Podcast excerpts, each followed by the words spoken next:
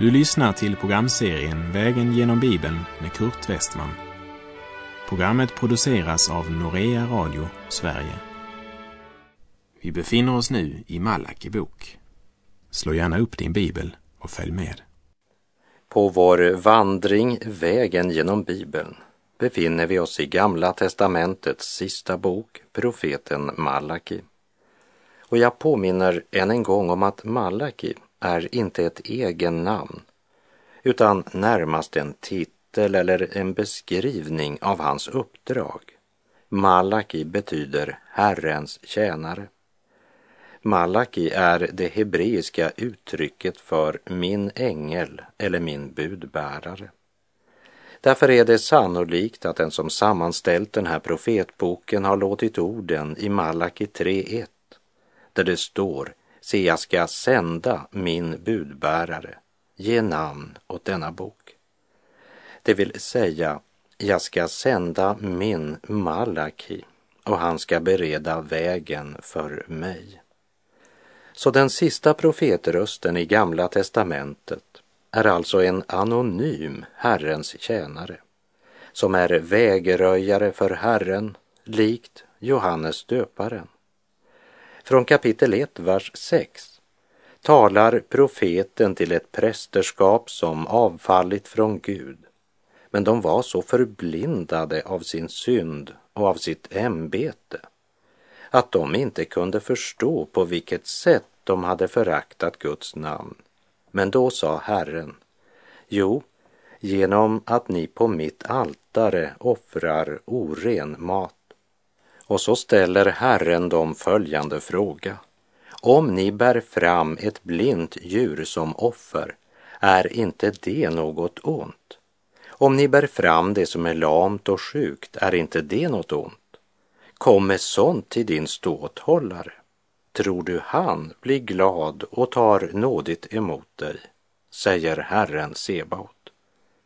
Vi läser Malak i kapitel 1, vers 9. Men bönfall nu inför Gud att han må vara nådig mot oss.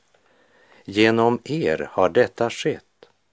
Kan han då bli vänligt sinnad mot er, säger Herren Sebaot.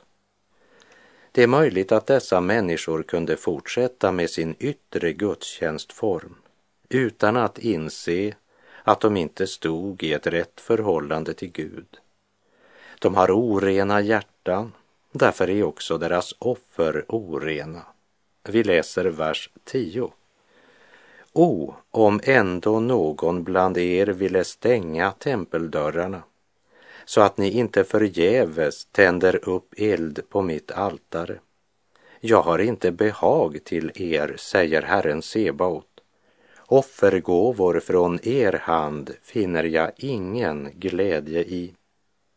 Gud säger, er gudstjänst och ert ritual är helt utan mening. Det är till ingen nytta.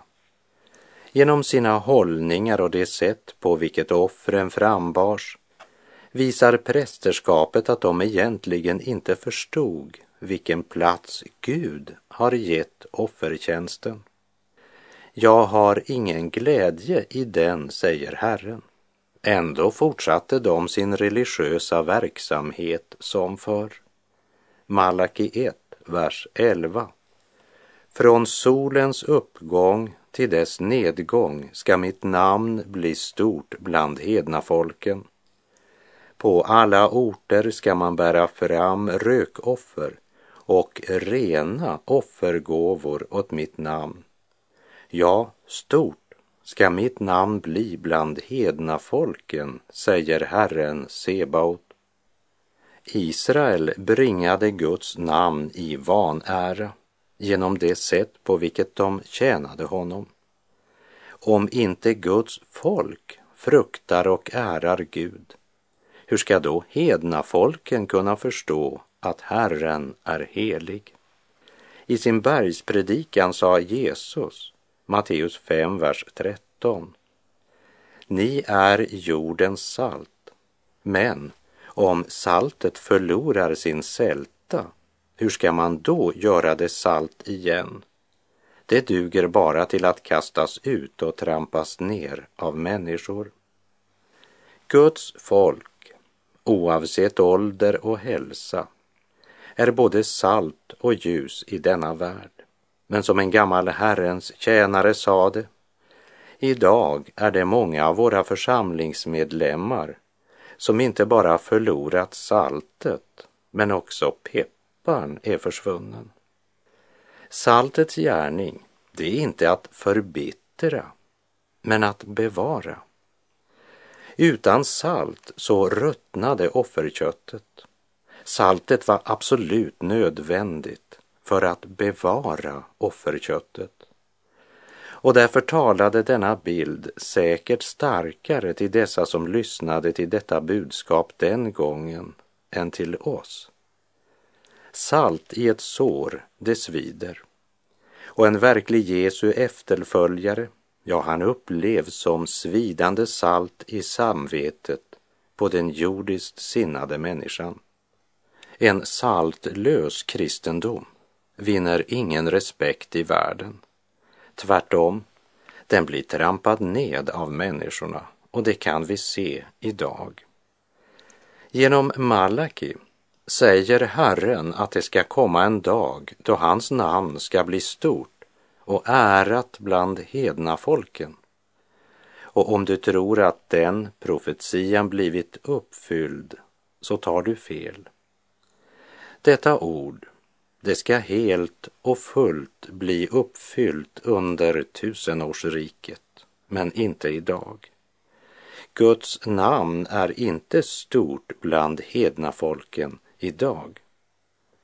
På alla orter skall man bära fram rökoffer och rena offergåvor åt mitt namn. Rökoffer talar om bön och det rena offret är Herren Jesus Kristus, Guds rena lamm oskyldig, som vi sjunger i en gammal psalm. Ja, stort ska mitt namn bli bland hedna folken, säger Herren Sebaot.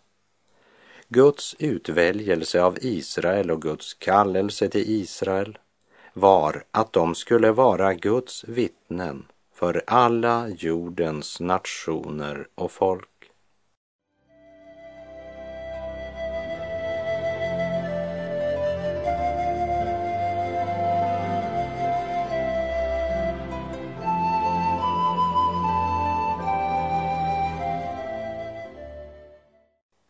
Domen över prästernas likgiltighet fördjupas när Herren säger att de utför offertjänsten med ovärdiga offer samtidigt som de klagar över hur jobbigt det är och hur de strävar så tungt med detta.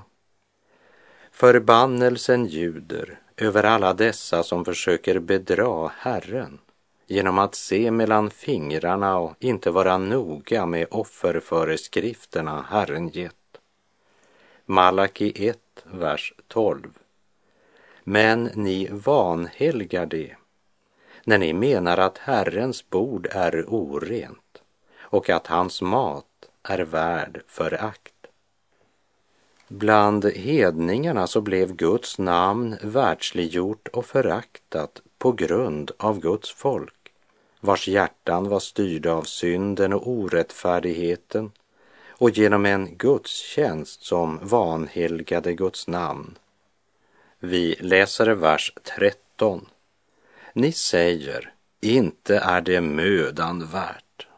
Och så handhar ni det vanvördigt, säger Herren Sebot. Som offer bär ni fram det som är stulet och djur som är halta och sjuka. Sådant offrar ni. Och det skulle jag med glädje ta emot av er, säger Herren. Vad de egentligen säger är, vi är så trötta av att gå på mötena och av allt vi ska göra. Det är så meningslöst. Vi vill hellre sitta hemma framför tvn eller bjuda hem någon. När livet i Gud inte längre är en hjärtesak, då är gudstjänsten tröttande och församlingsgemenskapen bara en tung plikt. Och prästernas hållning på Malaki tid avslöjar att de inte alls känner den Gud de tillber.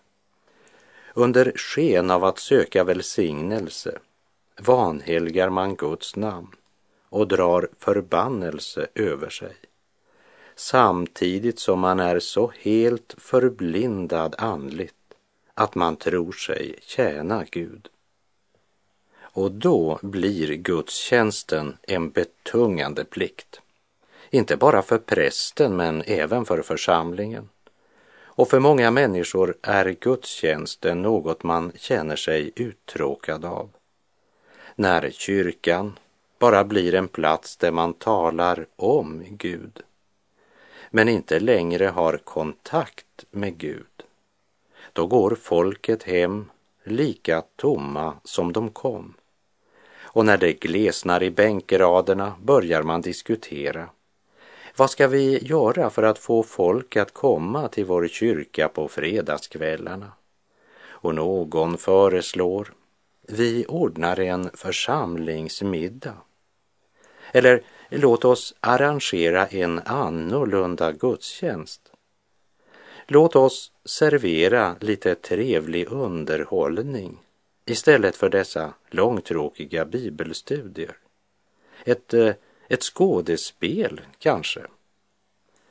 Vad är felet när folk säger att gudstjänsten är tråkig?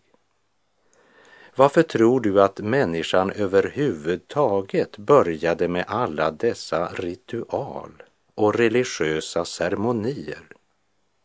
Varför bär de skrudar och marscherar runt med processionskors och gör korstecken? Därför att de tröttnat på andlig tillbedjan och behöver något som kan skänka stämning för köttet. Några säger, ja, men jag älskar ordning och reda i gudstjänsten. Ja, det gör jag också. Men det ligger en fara i att älska ramarna så högt att ritualet blir det bärande. Jag är klar över att en viss form har sin plats och att det är många som vuxit upp med det. Men när traditionen blir viktigare än andens ledning och tryggheten ligger i den fasta formen och ceremonierna blir tron på Gud fort en bok under armen istället för en ström i vårt inre. Då blir det inte plats varken till något halleluja eller Abba fader. Och gudstjänsterna, det blir enmansföreställningar istället för lovsång, vittnesbörd och tillbedjan i gemenskap. Hur skall det då vara, bröder? Jo, när ni samlas har var och en något att ge. En psalm, ett ord till undervisning, en uppenbarelse, ett tungotal och en uttydning. Låt allt bli till uppbyggelse, säger Paulus i Första Korinterbrevet 14.26. Kanske borde vi under en tid läsa Första Korinterbrev 14.26 dagligen och fundera över vad den har att säga oss om den nytestamentliga gudstjänsten. Det finns inget i Nya testamentet som säger att församlingsföreståndare eller pastor inte ska klä sig som vanligt folk. Vår prydnad ska inte vara något yttre, utan hjärtats dolda människa med den oförgängliga skönheten hos en mild och stilla ande. Det är mycket dyrbart i Guds ögon, säger Petrus i sitt första brev kapitel 3. Ni säger, inte är det mödan värt och så handhar ni det vanfördigt, säger Herren Sebaot om gudstjänsten på Malaki tid. Därefter understryker han att grundproblemet är att de inte var så noga med Herrens heliga föreskrifter. Som offer bär ni fram det som är stulet och djur som är halta och sjuka, sådant offrar ni. Och det skulle jag med glädje ta emot av er, säger Herren. Inte nog med att man bar fram sjuka djur, man bar också fram djur som man med våld och list tilltvingat sig av andra. Man kan inte bedra sina medmänniskor och sedan mena sig tjäna Herren. Därför, om du bär fram din gåva till altaret och där kommer ihåg att din broder har något emot dig, så lämna din gåva framför altaret och gå först och försona dig med din broder. Och kom sedan och bär fram din gåva, säger Jesus i sin bergspredikan, Matteus kapitel 5. Jesus lyfter sin undervisning högt över Mose lag och förklarar vad den betyder i vår vardag. Och han säger inte att om du har något emot din bror, men om din broder har något emot dig, så har du som en Jesu efterföljare ansvaret att gå till din broder och försona dig med honom. Men inte nog med att de var oförsonliga. De var också så förblindade att de trodde att det de hade skaffat genom fusk och oärlighet, det kunde offras åt Herren. Sådant offrar ni, och det skulle jag ta emot av er med glädje, säger Herren.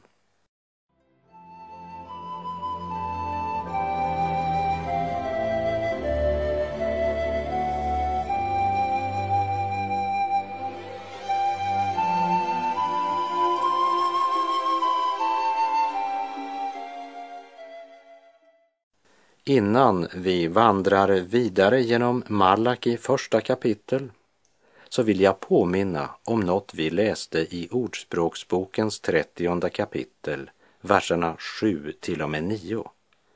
Där vi möter en människa som verkligen tar Guds varning på allvar. Lyssna nu noga till vad den här mannen ber. Ordspråksboken 30, vers 7 till och med 9. Om två ting ber jag dig, vägra mig dem inte in till min död.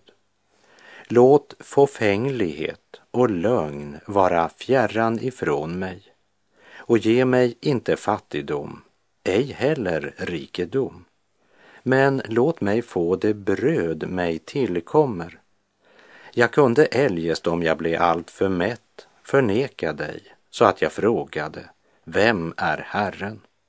Eller om jag blev alltför fattig kunde jag bli en tjuv, jag förgripa mig på min Guds namn. Här möter vi en människa som har två saker som har blivit livsviktiga för honom. Två saker som präglas av evighetsperspektivet. Låt oss se vad som kommer först på den här mannens önskelista. Låt fåfänglighet och lögn vara fjärran ifrån mig. I en annan översättning står det låt falskhet och lögn vara långt ifrån mig. Hans första bön går alltså på personligheten, det som har med hans karaktär att göra, det inre livet. Och låt oss lägga märke till att det kommer först. Hans första bön gäller alltså det inre livet, hjärteförhållandet, karaktären, vem jag är. Han ber helt enkelt om nåd att få vara en ärlig man. Det blir också stadfäst av hans andra bön. Ge mig inte fattigdom, ej heller rikedom, men låt mig få det bröd mig tillkommer. Hans andra önskan har med de yttre livsförhållanden att göra, alltså hans yttre omständigheter. Hans första bön gällde det inre livet, men han är fullt klar över att de yttre förhållandena alltid påverkar våra hjärtan. Så även bönen som gäller den materiella standard och yttre omständigheter har sin grund i hur de yttre omständigheter kan påverka och forma vår karaktär. Låt oss med denna bön från Ordspråksboken 30 i minnet repetera vad Herren säger till prästerna och folket på Malakitid. Som offer bär ni fram det som är stulet och djur som är halta och sjuka. Sådant offrar ni. Och det skulle jag med glädje ta emot av er, säger Herren. De var helt blinda för att Herren ser till hjärtat och blinda för att deras religiösa aktivitet inte bara var värdelös för Herren, men det var en vederstygglighet. Malaki kapitel 1, vers 14. Förbannad är den som i sin jord har ett djur av hankön, men ändå, när han gör ett löfte, offrar åt Herren det som är vanställt. Ty jag är en stor konung, säger Herren Sebaot, och mitt namn är fruktat bland hedna folken. Den hållning som Guds folk hade när det gällde offer till Herren stod som en kontrast till hedna folken som trots att de inte hade förbunden och lagen, tempelgudstjänsten och löftena ändå fruktade Herrens namn. Här går mina tankar till vad Paulus skriver i Romarbrevets första kapitel om Guds dom över all ogudaktighet. Jag citerar Romarbrevet 1, verserna 28 till och med 32.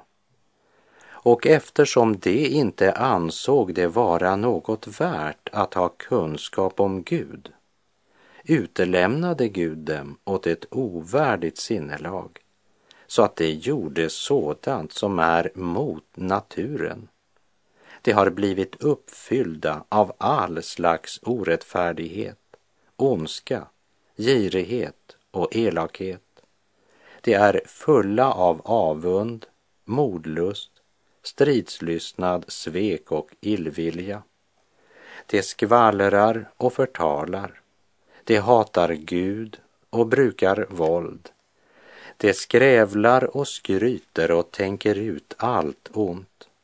De lyder inte sina föräldrar, är oförståndiga och trolösa kärlekslösa och hjärtlösa.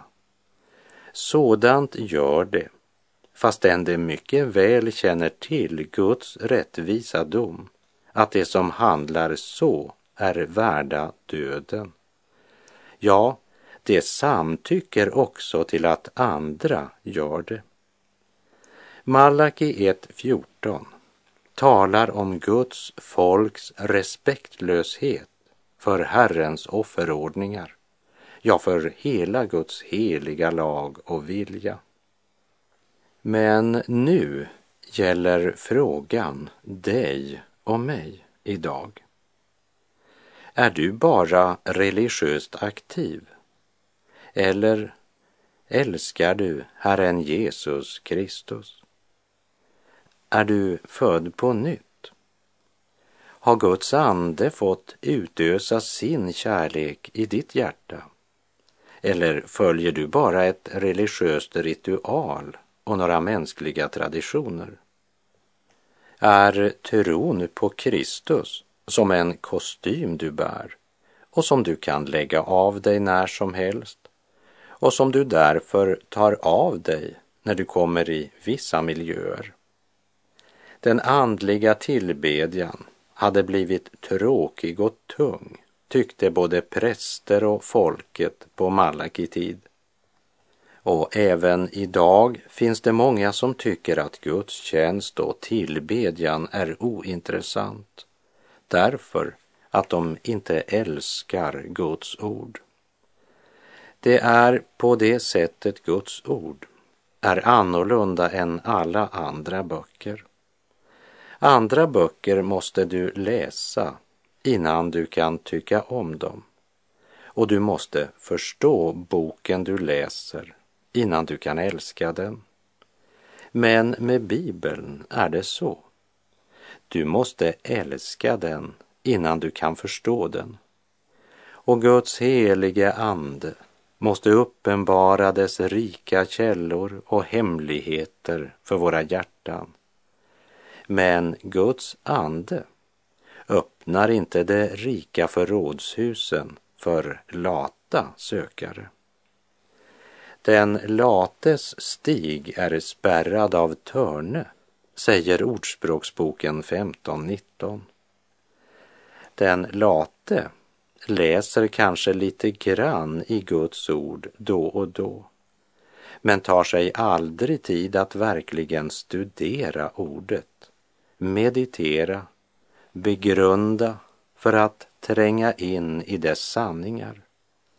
Den som söker, han finner, säger Jesus i Matteus 7.8. Orden om att bedja, söka och klappa på, det talar om att ta tid till stillhet inför Gud och hans ord. Det är skillnad på att söka och söka. Låt mig ge dig ett exempel. Jag sitter hemma i fåtöljen med tidningen och har just fått ögonen på en spännande nyhet. När vår yngsta dotter säger att hon kan inte finna sina färgpennor och så ropar hon Pappa, hjälp mig att söka. Ja, svarar jag och lyfter blicken över tidningen och ser mig lite grann runt i rummet. Och så fortsätter jag och läser. Det är ju inte det som menas med ordet söka. Men en vecka senare när jag skulle på en föredragsturné i fem stater i USA och min fru på morgonen skulle köra mig ut till flygplatsen och på vägen till bilen säger hon, du har väl passet? Och jag upptäcker att det har jag inte. Jag går in för att hämta det, men det ligger inte där det brukar ligga. Vad gör jag då? Ser jag mig runt lite grann förstrött och sedan säger nej, jag fann det inte. Nej, vi fördelade rummen och blev eniga om vem som skulle söka var. Och vi bestämde oss inte och sa vi söker fem minuter eller tio minuter. Vi bara gick igång och sökte. Hur länge sökte vi? Jo, till dess vi hade funnit vad vi sökte. Som jag sa, det är skillnad på att bara försöka och att verkligen söka. Och Jesus som är sanningen, han säger i Lukas 13.24 Ansträng er till det yttersta för att komma in genom den trånga dörren. Ty många, säger jag er, skall försöka att komma in, men skall inte kunna det. Herren vare med dig. Må hans välsignelse vila över dig. Sök Herren medan han låter sig finnas. Gud är god.